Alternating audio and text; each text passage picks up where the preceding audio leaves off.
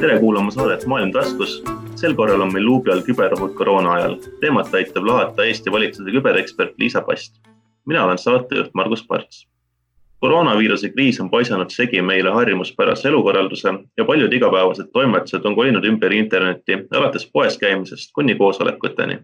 samas on netiühendus ja e-riik meie jaoks nii iseenesestmõistetavad, et sageli ei tulegi pähe küsida, kuidas meile kriitilise tähtsusega taristu tegelikult vastu peab ja kui haavatav on see kriisidele sellest minu esimene küsimus. kuidas ja kui palju praegust olukorda küberruumis ära kasutatakse ja mida peaks tavakodanik internetti kasutades tähele panema? eks äh, küberruumis võimalik äh, ründaja, pahalane, ükskõik, kas ta on siis äh, rahvusriigi toetatud luureorganisatsioon või, või selle toetatud ettevõte, kurjategija või ka nii-öelda häktivist, keegi, kes häkib selleks, et aktivistina teemale tähelepanu juhtida, on oportunistlik ja reaktiivne ehk otsitakse pidevalt kõige kiiremat ja lihtsamat viisi oma eesmärkide saavutamiseks. kui see eesmärk on kuritegelik, siis kuidas võimalikult lihtsalt saada ligipääsu või varastada andmed, mida saab ära kasutada näiteks raha saamiseks kui see eesmärk on luureline, siis kuidas võimalikult lihtsalt saada sisse arvutivõrkudesse, kuhu sul ei peaks olema ligipääsu, et seal toimuvat lihtsustatud töödes peal, pealt kuulata. ja see taust on foonil alati, see ei ole kuidagi koroona ajaga eriliselt äh, seotud, et äh, küberintsidentidest Eesti on ju alates aastast kaks tuhat seitse kui koos äh, pronksi sõduri ümber toimunud äh, rahutustega ja infooperatsioonidega selgelt ka Eesti vastu olid suunatud koordineeritud äh, küberründelained, ennekõike teenustõkestus, mis, kui me mäletame, võttis maha meedia, pangad ja valitsuse veebilehed tundideks järjestikustel päevadel. et see foon on meile selge. mis on eriline tänases olukorras, on kaks asja üks seesama sinu viidatud äh, kodus töötamine. ja teiseks see, et on selline keskne teema. kodus töötamise juures inimesed sageli unustavad, et kontoris juba see, et on keskselt professionaalselt üles ehitatud arvutivõrk, tagab sulle stabiilse ühenduse või võimalikult stabiilse ühenduse, aga tasu, tagab ka teatud äh, turvalisuse. ja siis kodus ei tohi ära unustada, et näiteks kui käsitletakse midagi, mis on äh, konfidentsiaalne, mis ei ole otseselt avalik info, siis tuleb ka mõelda, kuidas seda tehakse, kuidas seda tehakse et on palju räägitud sellest, et kõik videovestluste platvormid näiteks ei ole äh, alati turvalised. on äh, samamoodi Äh, õngitsuskirjadest ja lehtedest. ja see ongi see teine asi on tähelepanu, et meil on üks keskne kogu maailmas kõneainet pakkuv ja ka hirmu ja ärevust tekitav, olgem ausad, teema just nimelt Covid-19 või koroonaviiruse näol. mis tähendab seda, et loomulikult on seda ära kasutatud õngitsuskirjadeks, äh, võlts veebilehtede jaoks, selleks, et sundida inimesi näiteks pahatahtlikele linkidele Äh, klõpsama, mis võivad siis arvutisse pahavara äh, paigatada, äh, paigaldada. mis tähendab seda, et tulebki meeles pidada seda, mida igapäevaselt, see, et inimene käituks ise turvaliselt, kus vähegi võimalik, kasutaks kahefaktorilist autentimist ehk seda, et lisaks siis kas salasõnale või kiipkaardile, näiteks ka ID-kaardile, oleks veel teine faktor. ID-kaardi puhul on see lihtne, sa saad selle PIN kood midagi, mis sul on, ID-kaart, midagi, mis sa tead, PIN kood. Äh, salasõna puhul samamoodi näiteks e, need SMS-iga tulevad koodid äh, aitavad äh, turvata. olla tähelepanelik, milliseid linke kasutatakse, et see ei oleks veebileht, kus näiteks selle asemel, et R ja I, mis on kõrvuti, on N-täht ehk et ta viitab valele veebilehele. maailma Terviseorganisatsioon on öelnud, et näiteks nende infoturbemeeskond pani juba aasta alguses tähele, et registreeritakse nende veebilehele sarnaseid veebilehti, ilmselt siis pahatahtliku eesmärgiga. ehk kui midagi on kahtlane, siis ta on kahtlane ka kodus töötades. Eestis Riigi Infosüsteemi Ameti intsidendi haldajad on olnud kiired nõuandjad sotsiaalmeedias näiteks ja sellel tasub hoida kindlasti silma peal.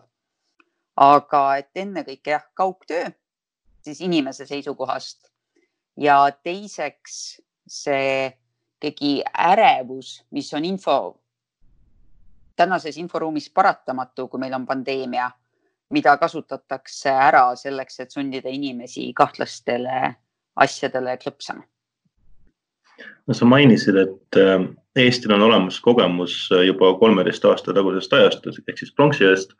Kuidas sa hindad, kas me oleme paremini mõneti selle tõttu ette valmistunud kui näiteks mõned teised riigid no,? Eesti tõesti, meil on olnud õnne ja eks õnn on see, kui ettevalmistus ja olud omavahel kohtuvad, õnn ei ole midagi abstraktset.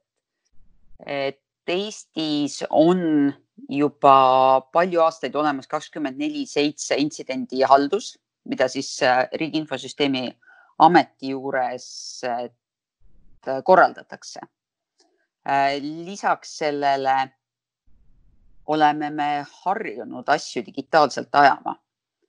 et küsimus ei ole ainult ühes teenuses, noh näiteks pangas, vaid selles, et meil ongi tekkinud selline digitaalne ökosüsteem, kus keskselt on ID-kaart ehk riigi tagatud turvaline digitaalne identiteet, mida väga paljudes riikides ei ole ja kus siis ettevõtjad pakuvad ise kas kiipkaarte, kas salasõna lahendusi, telefoni tekstisõnumi põhiseid lahendusi, mis paratamatult on ühes kohas ja seega sinna läheb ka vähem ressurssi arendamiseks. Ja teiseks on riigi enda selline digitaalne ökosüsteem või, või keskkond äh, suhteliselt robustselt üles ehitatud. ehk äh, teenused sõltuvad üksteisest ainult nii palju, kui see on hädavajalik. ja kui üks on maas, siis see tingimata ei võta nagu kogu seda keskkonda maha Äh, lisaks sellele on äh, Riigi Infosüsteemi Amet oma praktilises igapäevases tehnilises töös just meditsiiniasutustega, alates suurtest haiglatest, lõpetades perearstidega, äh, teinud tööd, andnud nõu, kuidas oma siis digitaalseid asju korraldada, vajadusel ka testinud ja hinnanud Äh, see samamoodi aitas Eestit väga palju mõned aastad tagasi, siis äh, kaks tuhat seitseteist, kui järjest oli kaks üleilmset pahavara kampaaniat. Äh, Petja, Not Petja ja Vanagrai, mis, millest üks on siis omistatud Vene Föderatsioonile ja teine Põhja-Koreale, mis mõlemad umbes sada viitekümmet riiki kokku puudutasid ja tegid miljardites eurodes äh, kahju ettevõtlusele ja riikidele, äh, siis Eestis oli mõju äh, väga väike. Just selle tõttu, et suhteliselt robustne süsteem oli olemas ja paljuski ka selle tõttu, et oli eelnevatel aastatel meditsiinisüsteemi ja, ja haiglatega tegeletud, et kui me mäletame, needsamad pahavarakampaaniad võtsid maha näiteks suurema osa Briti tervishoiusüsteemist Äh, nii et äh, liigseks enesekindluseks ei ole kunagi põhjust.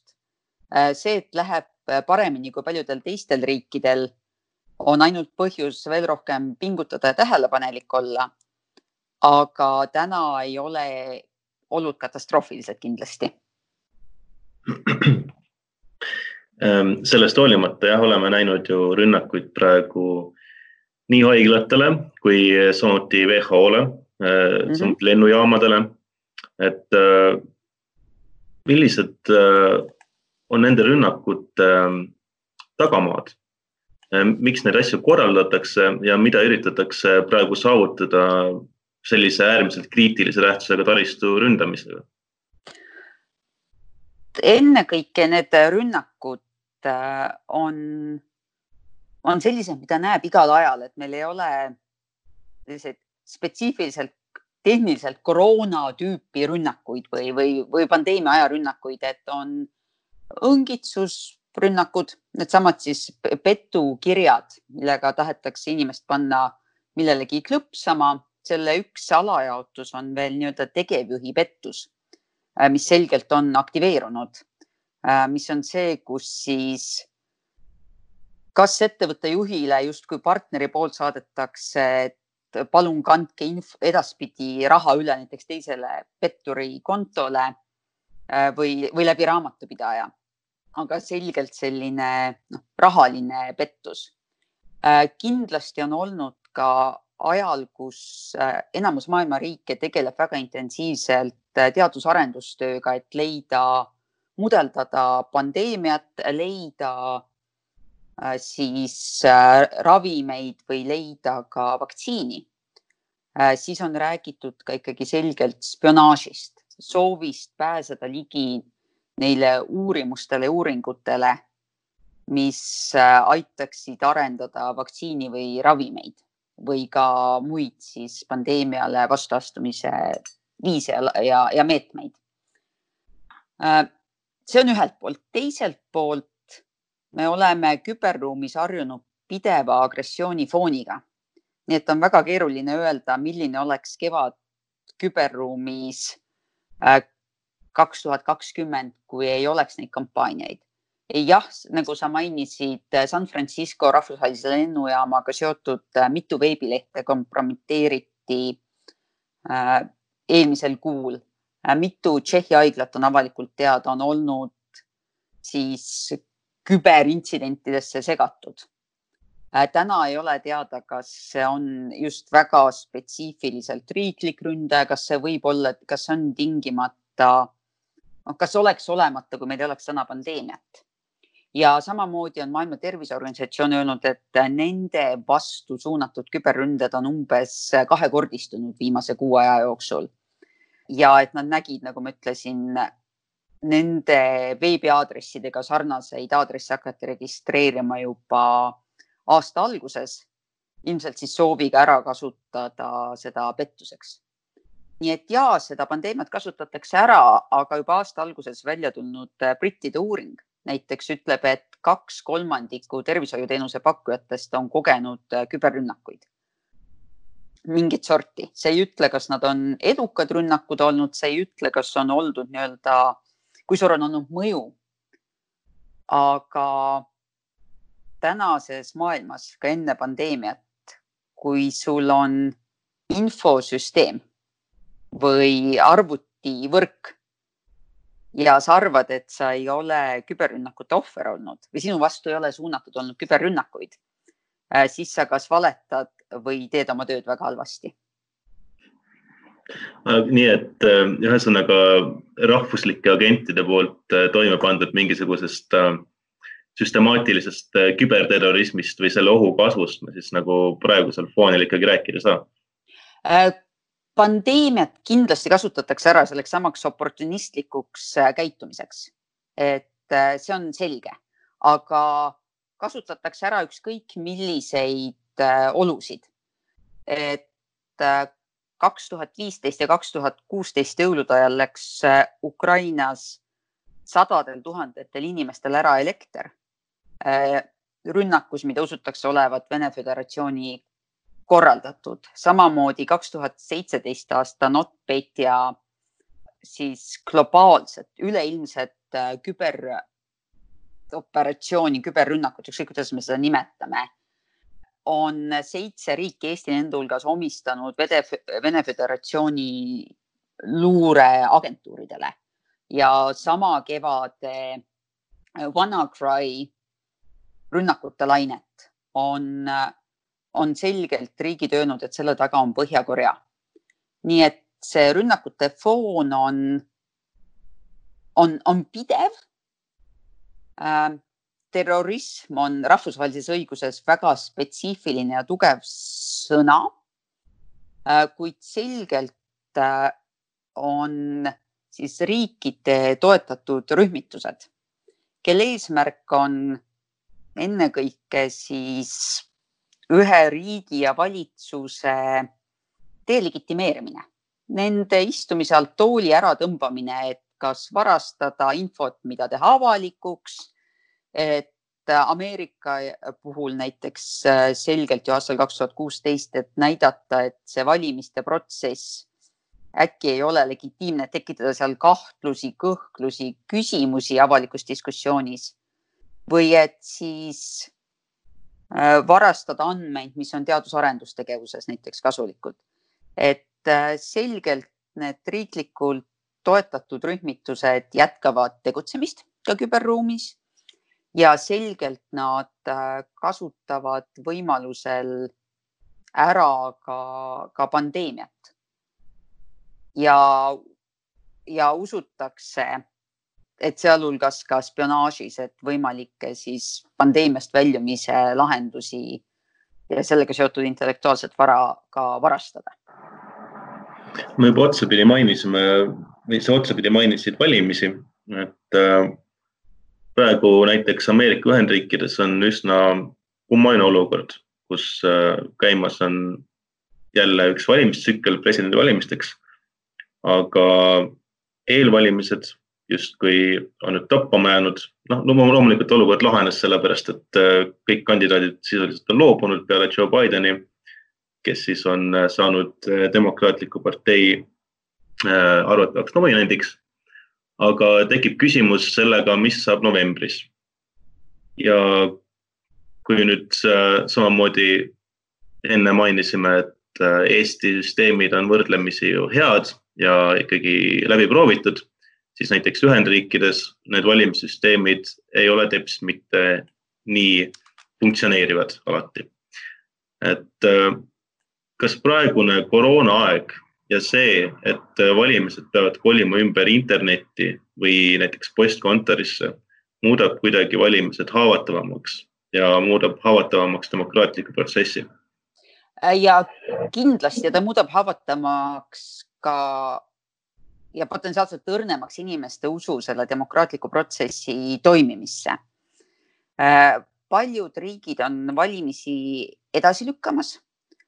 on äh, mõned, äh, kes on läinud üle postile. lisaks juba mainitud USA-le, kus on posti teel hääletamise traditsioon tegelikult pikk ja on osariike nagu Arizona, kus väga suur osa valijatest tavapäraselt hääletabki posti teel. muuhulgas Arizonas on ka suhteliselt äh, laiali elav populatsioon, äh, siis põlisameeriklaste populatsioon, kellel on väga palju mugavam posti teel hääletada. Äh, samamoodi posti teel hääletab ilmselt Poola oma presidendivalimistel maikuus Neid, kes on valimisi edasi lükanud, on kümneid maailmas. ja see on õrn tasakaal, sest otsitakse tasakaalu ühelt poolt rahva tervise, selle, et me ei pane kedagi suuremasse ohtu, kui on hädavajalik. ja teiselt poolt demokraatia toimimise vahel. demokraatia toimib eh, siis sellises läänelikus esindusdemokraatias ju läbi protseduuri, läbi rutiini, see, et Eestis iga nelja aasta tagant me valime Riigikogu ümber. et ameeriklased valivad presidenti iga nelja aasta tagant ja ka siis enda esindajaid, et see on selline rituaalne protseduuriline käitumine, mida sa pead läbi tegema.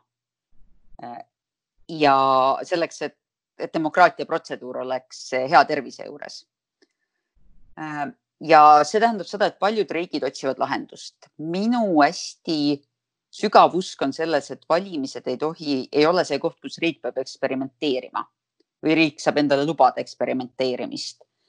et äh, kuivõrd just valimiste toimimine mõjutab meie usku demokraatlikus riigis kogu riigi või kogu riiklike institutsioonide vastu ja poliitika toimimise vastu siis äh, seal, vigadel seal on väga kõrge hind just avaliku usalduse mõttes. ja see tähendab seda, et riigid, kus ei ole nii robustset digitaalset ökosüsteemi ja nii turvalist digitaalset ökosüsteemi nagu Eestis, ei tohiks ka täna kiirustada noh, mobiilitsi valima, arvutis valima. Eesti on seda teinud varsti viisteist aastat ja rohkem kui tosinal korral on digitaalselt äh, kaughääletanud, on toimunud internetivalimised. Äh, meil on tuhandeid teisi elektroonilisi teenuseid ja on ID-kaart, kus sama tugevusega nagu näost näkku isikut tõendava dokumendi esitamisel öeldakse, ütleb riik, et me tagame, et see inimene on see inimene, kes ta on. Eeldusel, et inimene ise on, on hästi käitunud, eks. ja see lahendus sobibki võima-, suhteliselt digitaalsetesse keskkondadesse. küll aga rahvatervise seisukohast see, mis toimus seitsmendal aprillil Wisconsinis, kus inimesed üritades hoida siis seda kahemeetrist vahet, seisid järjekordades, samal ajal valimisjaoskonna töötajad on ju enamuses eakad vabatahtlikud, kes on riskigrupp. et see samamoodi ei ole, see ei ole proportsioonis see oht ja see protseduur ja seda õrna tasakaalu otsivad kõik kogu maailmas täna. ma usun, et enamus üritab laiendada juba kehtivaid kaugvalimisviise posti teel, millest juba mainisime. Äh, Ameerika paljudes osariikides on näiteks äh, võimalus äh, mingil viisil online hääletada telefoni või arvutit kasutades siis kaitseväes teenivatel inimestel. et selgelt, kui sinu riik on saatnud sind välismissioonile, siis su riik peab tagama sulle võimaluse oma poliitilist soovi väljendada ka siis, kui sa viibid välismissioonil. Usutavasti selliseid võimalusi hakatakse laiendama, samamoodi on riike, kus on puuetega inimestele ette nähtud äh, võimalused mingil viisil elektrooniliselt kaughääletada äh,, mida ilmselt hakatakse tasakesi suurendama. ühesõnaga, et äh, sellest pikaajalisest vastuseisust eriti siis äh, USA konservatiivide leeris äh, e-hääletamisele ja kaughääletamisele tuleks tegelikult ikkagi hakata üle saama, aga võib-olla siis mitte kohe. Ameerika Ühendriikide valimisseadused, rääkimata ülejäänud valimiskorraldusest, on võrreldes Eestiga väga-väga erinevad äh,. olukorras, kus neil ei ole isegi ju föderaalset isikut tõendavat dokumenti, kohustuslikku ei saa me rääkida kesksest identiteedist ehk rääkimata siis digitaalsest identiteedist. ja enamus, paljudes Ameerika osariikides ei ole valijal isikut tõendava dokumendi kohustust. ja see on väga oluline diskussioon, mis käib äh, osariikide tasandil iga kord valimistega kaasas. on osariike, kus piisab sellest, kui sa ütled, et sina oled sina ja on osariike, kus nõutakse siis isikut tõendavat, osariigi välja antud isikut tõendavat dokumenti nagu näiteks juhiluba. Äh, nüüd digitaalses maailmas. Eestis on selge, meil on kohustuslik ID-kaart, meie ID-kaardi küljes on ka digitaalne, turvaline digitaalne identiteet, millega sa käid pangas e, e-koolis, annad allkirju ja muuhulgas valid riigis, kus isikut tõendav dokument kui selline on poliitiliselt vastuoluline ja selle nõudmine valimistel on poliitiliselt vastuoluline, on keskkond nii teine, et seda Eesti mudelit otse eksportida ei ole sinna võimalik. et enne tuleb ära lahendada need identiteedi küsimused isikut tõendavate dokumentide äh, küsimused, ükskõik äh, kuidapidi. et ja alles siis saab küsida, kuidas valimistesse tuua rohkem tehnoloogiat, näiteks internetihääletuse kaudu, mis oleks vähemalt sama turvaline kui see, mida me paberil teeme, sest ega valimispettused ja ütleme ka infooperatsioonid, kandidaatide valetamine, ühele publikule ühe jutu, teisele publikule teise jutu rääkimine. Need ei ole ju tehnilised, tehnoloogilised või internetist tulenevad probleemid, vaid need on poliitilise kultuuri probleemid. ja totalitaarsetes ühiskondades on need siis selle totalitaarse ebademokraatliku juhtimise probleemid. soov teiste riikide poliitikasse sekkuda, mõjutada valimiskampaaniat, protsessi on sama vana kui rahvusriigid, kui mitte vanem.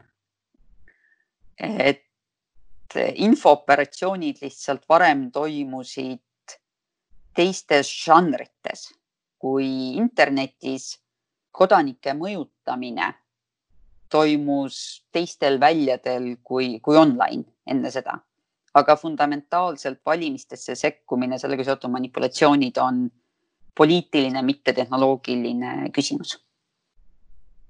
see oli sul hea tähelepanek, et ähm, Eesti süsteem ei saa otseselt üle kanda teistele riikidele ja võib-olla siit oleks hea üle minna teemale Eesti eesistumine ÜRO Julgeolekunõukogus, mis algab ähm, järgmisel kuul ehk siis äh, maist ja meie väga suur mm, osakaal meie agendast on just küberteemad, mis on Julgeolekunõukogus mm, selline kahetiselt äh, vastu võetud valdkond, äh, mida mõned vanemad olijad ei taha väga hästi vist omaks võtta. et Julgeolekunõukogu peaks tegelema ka küberteemadega. et oskad sa avada tausta, mida on Eestil anda ja mis kogemust on meile anda just äh, ülemaailmsel tasandil? Eesti jaoks äh, ka sellesama eesistumise kontekstis on väga oluline selline ühine väärtuspõhine tegutsemine küberruumis. ehk et ka rahvusvahelisel tasandil me tegutsevad sarnaselt mõtlevad riigid äh, koos, esiteks ja teiseks äh, sügav arusaam, et rahvusvaheline õigus kehtib ka küberruumis mida väga suur osa maailma riikidest tegelikult jagab. ehk et agressioon näiteks äh, või relvastatud rünne, millel on suur äh, mõju eludele või varale, on seda olenemata sellest, kas kasutatakse relvi maal, õhus, vees või küberruumis. ja Eesti jaoks ennekõike ongi fookuses see, et seista võimalikult stabiilse, võimalikult jagatud normidel põhineva küberruumi äh, eest, mis põhineb sellele, et rahvusvaheline õigus rakendub ka, ka küberruumis. et äh, võib-olla ülilihtsustatud paralleelina küberruum riikide jaoks on, on sarnane autojuhtide jaoks tänasel päeval elektriautodega. kui sa sõidad kellelegi otsa autoga, mis ei sõida bensiiniga, siis sa oled ikkagi kellelegi otsa sõitnud. kui üks riik või tema kontrolli all olev tegutseja teeb teisele riigile, kasutades siis neid küberrelvi, küberründevõimekust äh, kahju, siis ta on ikkagi teinud kahju, kus äh, suure kahju puhul peab olema võimalus ka proportsionaalseteks vastumeetmeteks kus äh, samamoodi sanktsioonid, kõik selline kehtib. ja Eesti, sul on õigus, on see, kellel on, olles ise suhteliselt digitaalne ühiskond, me võib-olla suudame näha neid mõjusid natuke täpsemalt ja, ja teravamini kui mõned teised äh, riigid eks see soovimatus äh, neid teemasid käsitleda on ilmselgelt ka poliitiline, ehk siis kui võib-olla tuua näiteks Venemaa äh, vetoõigustega riikide seast, siis äh, noh, kuna Moskva on toetanud või olnud vähemalt teadlik, et toimuvad riiklikud küberrünnakud, siis võib-olla Kreml ei ole kõige paremini reageerinud sellele, et küberruumis peaksid valitsema samamoodi rahvusvaheliselt ühtselt tunnustatud reeglid. Eesti riigi seisukohast ei ole siin kahet lahti mõtlemist. meie ja meie partnerid on mitmeid äh, küberründeid, millel on kas üleilmsed või meile, meie partneritele märkimisväärsed mõjud omistanud Vene Föderatsiooni kontrolli all olevatele tegutsejatele, sealhulgas Vene Föderatsiooni siis äh, kas kaitsejõudude küberüksusele või luureagentuuride küberüksustele. Äh, sealhulgas juba mainitud äh, Petya not Petya kampaania, mille mõjud Eestis ei, ei avaldanud. samamoodi Ameerika Ühendriikide kaks tuhat kuusteist aasta presidendivalimistesse sekkumine, kus on ju ka siis ameeriklased välja andnud süüdistusakti, kus nimetatakse äh, kuradi tosin äh, Vene luureohvitseri nimeliselt süüdistatavatena selles kriminaalasjas. Kui võib-olla viimatine näide, kus Gruusia paljudele veebiteenustele ja veebilehtedele, nende vastu toimus rünne mullu oktoobris, kus asendati veebilehtede sisu siis ähm, ekspresidenti pilkavate piltidega. Äh, see on samuti ühiselt omistatud. Äh, äsja sel nädalal mitmete riikide välisministrid, Eesti välisminister selle hulgas, äh, tegid sellise avalduse, kus nad juhtisid tähelepanu, et meditsiinisüsteemi vastased äh, küberründed on täna tugevalt taunitud. see on selline poliitiliselt tugev deklaratiivne keel, mis äh, annab teistpidi ka mõista, et kui on põhjust arvata, et meid ja meie liitlasi kas koos või eraldi rünnatakse, siis me oleme valmis ka koos nii kaitsel kui vastumeetmetes tegutsema. üks huvitav küsimus äh, viimasel ajal on äh, reageerimine Hiinale. kui me oleme siin näinud äh, viimastel aastatel, on väga suur poleemika olnud 5G äh, võrkude ja Huawei ümber ja tundub, et Hiina on suutnud teha väga suuri edusamme just enda tahtmise läbisurumisel rahvusvahelisel tasandil, siis koroonaviirus on teinud sellise huvitava olukorra, kus justkui Hiina enda tegevusetus ja Hiina enda äh, valeinfo esitamine koroonaviiruse kohta on pannud põntsu nende tehnoloogiate eksportimisele. Ma ei tea, et me tänastes oludes, kui me oleme ikkagi kriisi keskmes ka rahvusvahelise avalikkusena teaksime lõplikku tõde selle viiruse kohta. nii et võib-olla seda saab hinnata hiljem. täna on kõik ju kriisireguleerimisfookusega. küll aga taustal on selgelt rahvusvahelistes suhetes jõulisemaks muutuv ja ka rahvusvahelisi suhteid rohkem politiseeriv või seal selgemalt poliitiline tegutseja olev Hiina kes ühelt poolt äh, Lõuna-Hiina merel militariseerib oma kohalolekut, teiselt poolt üritab defineerida või väga selgelt ja jõuliselt sõna sekka öelda selles, milline näeb välja see digitaalne ruum, kus me elame. sa mainisid juba 5G-d, äh, ka seda potentsiaalselt riigi mõjutatud tehnoloogiaid, mis on see, see üks arutelu. Äh, lisaks sellele on Rahvusvahelisele Telekommunikatsiooni Liidule, kes on siis see äh, kogum, kes arutab, milline on see, kuidas me reguleerime interneti keskset ja kõige sügavamat infrastruktuuri, on Hiina ettevõtted esitanud ettepaneku nii-öelda uueks internetiprotokolliks, mida sügisel arutatakse, et selgelt on Hiina asunud jõuliselt poliitiliselt tegutsema ja Hiina ettevõtted asunud selles ruumis poliitiliselt tegutsema ja see on laiem kui 5G.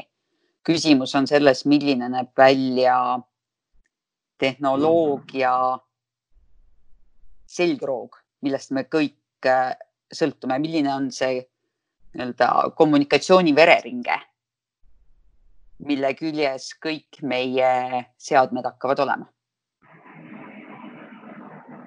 kui nüüd võtta kogu see asi praegu kokku kuidagi, siis kas meil on põhjust optimismiks, rääkides siis ajast ähm, peale koroonaviirust? kas meil on midagi õppida sellest koroonakriisist, kas on näha, et võib-olla jõutakse suuremale üksmeelele, tehakse mingisuguseid ähm, võib-olla rohkem ühisavaldusi, ühisettevõtmisi, ähm, ühtlustatakse kriitilise tähtsusega taristut äh,? ja ühtegi head kriisi ei tohi raisata. see on selline Äh, kriisi reguleerimise põhimõte, et, et lisaks sellele, et me peame saama hakkama sellega, mis on meie ees, me peame pärast kriisi olema järgmiseks sarnaseks kriisiks äh, paremini valmis. Äh, kindlasti on palju õpitud rahva tervisest, sealhulgas ka sellest, milline on rahvusvaheline infovahetus Äh, me oleme selle kodus töötamise ja vähem näost näkku kohtumisega saanud aru, mis on potentsiaal, aga mis on ka ohud sellel ülidigitaalsel maailmal, milles me elame ja millest meie asjaajamine järjest rohkem sõltub. ja ma väga loodan, et kui selline aktiivne kriis on selja taga Äh, siis sinu mainitud üksmeel, et, et see laieneb ka sellesse, kuidas me oma digitaalseid elusid äh, korraldame. milline näeb välja see rahvusvaheline normimaailm äh, ja milline näeb välja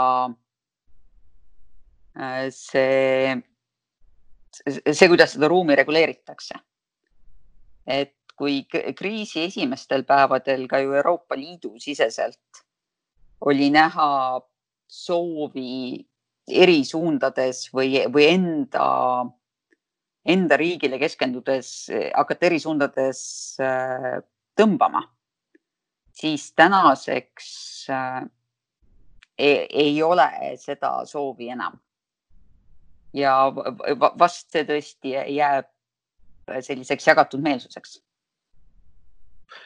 no tõmbame sellise optimistliku tooniga sellele saatele joone alla. aitäh, Liisa ja tänan teid kuulamast. järgmise korrani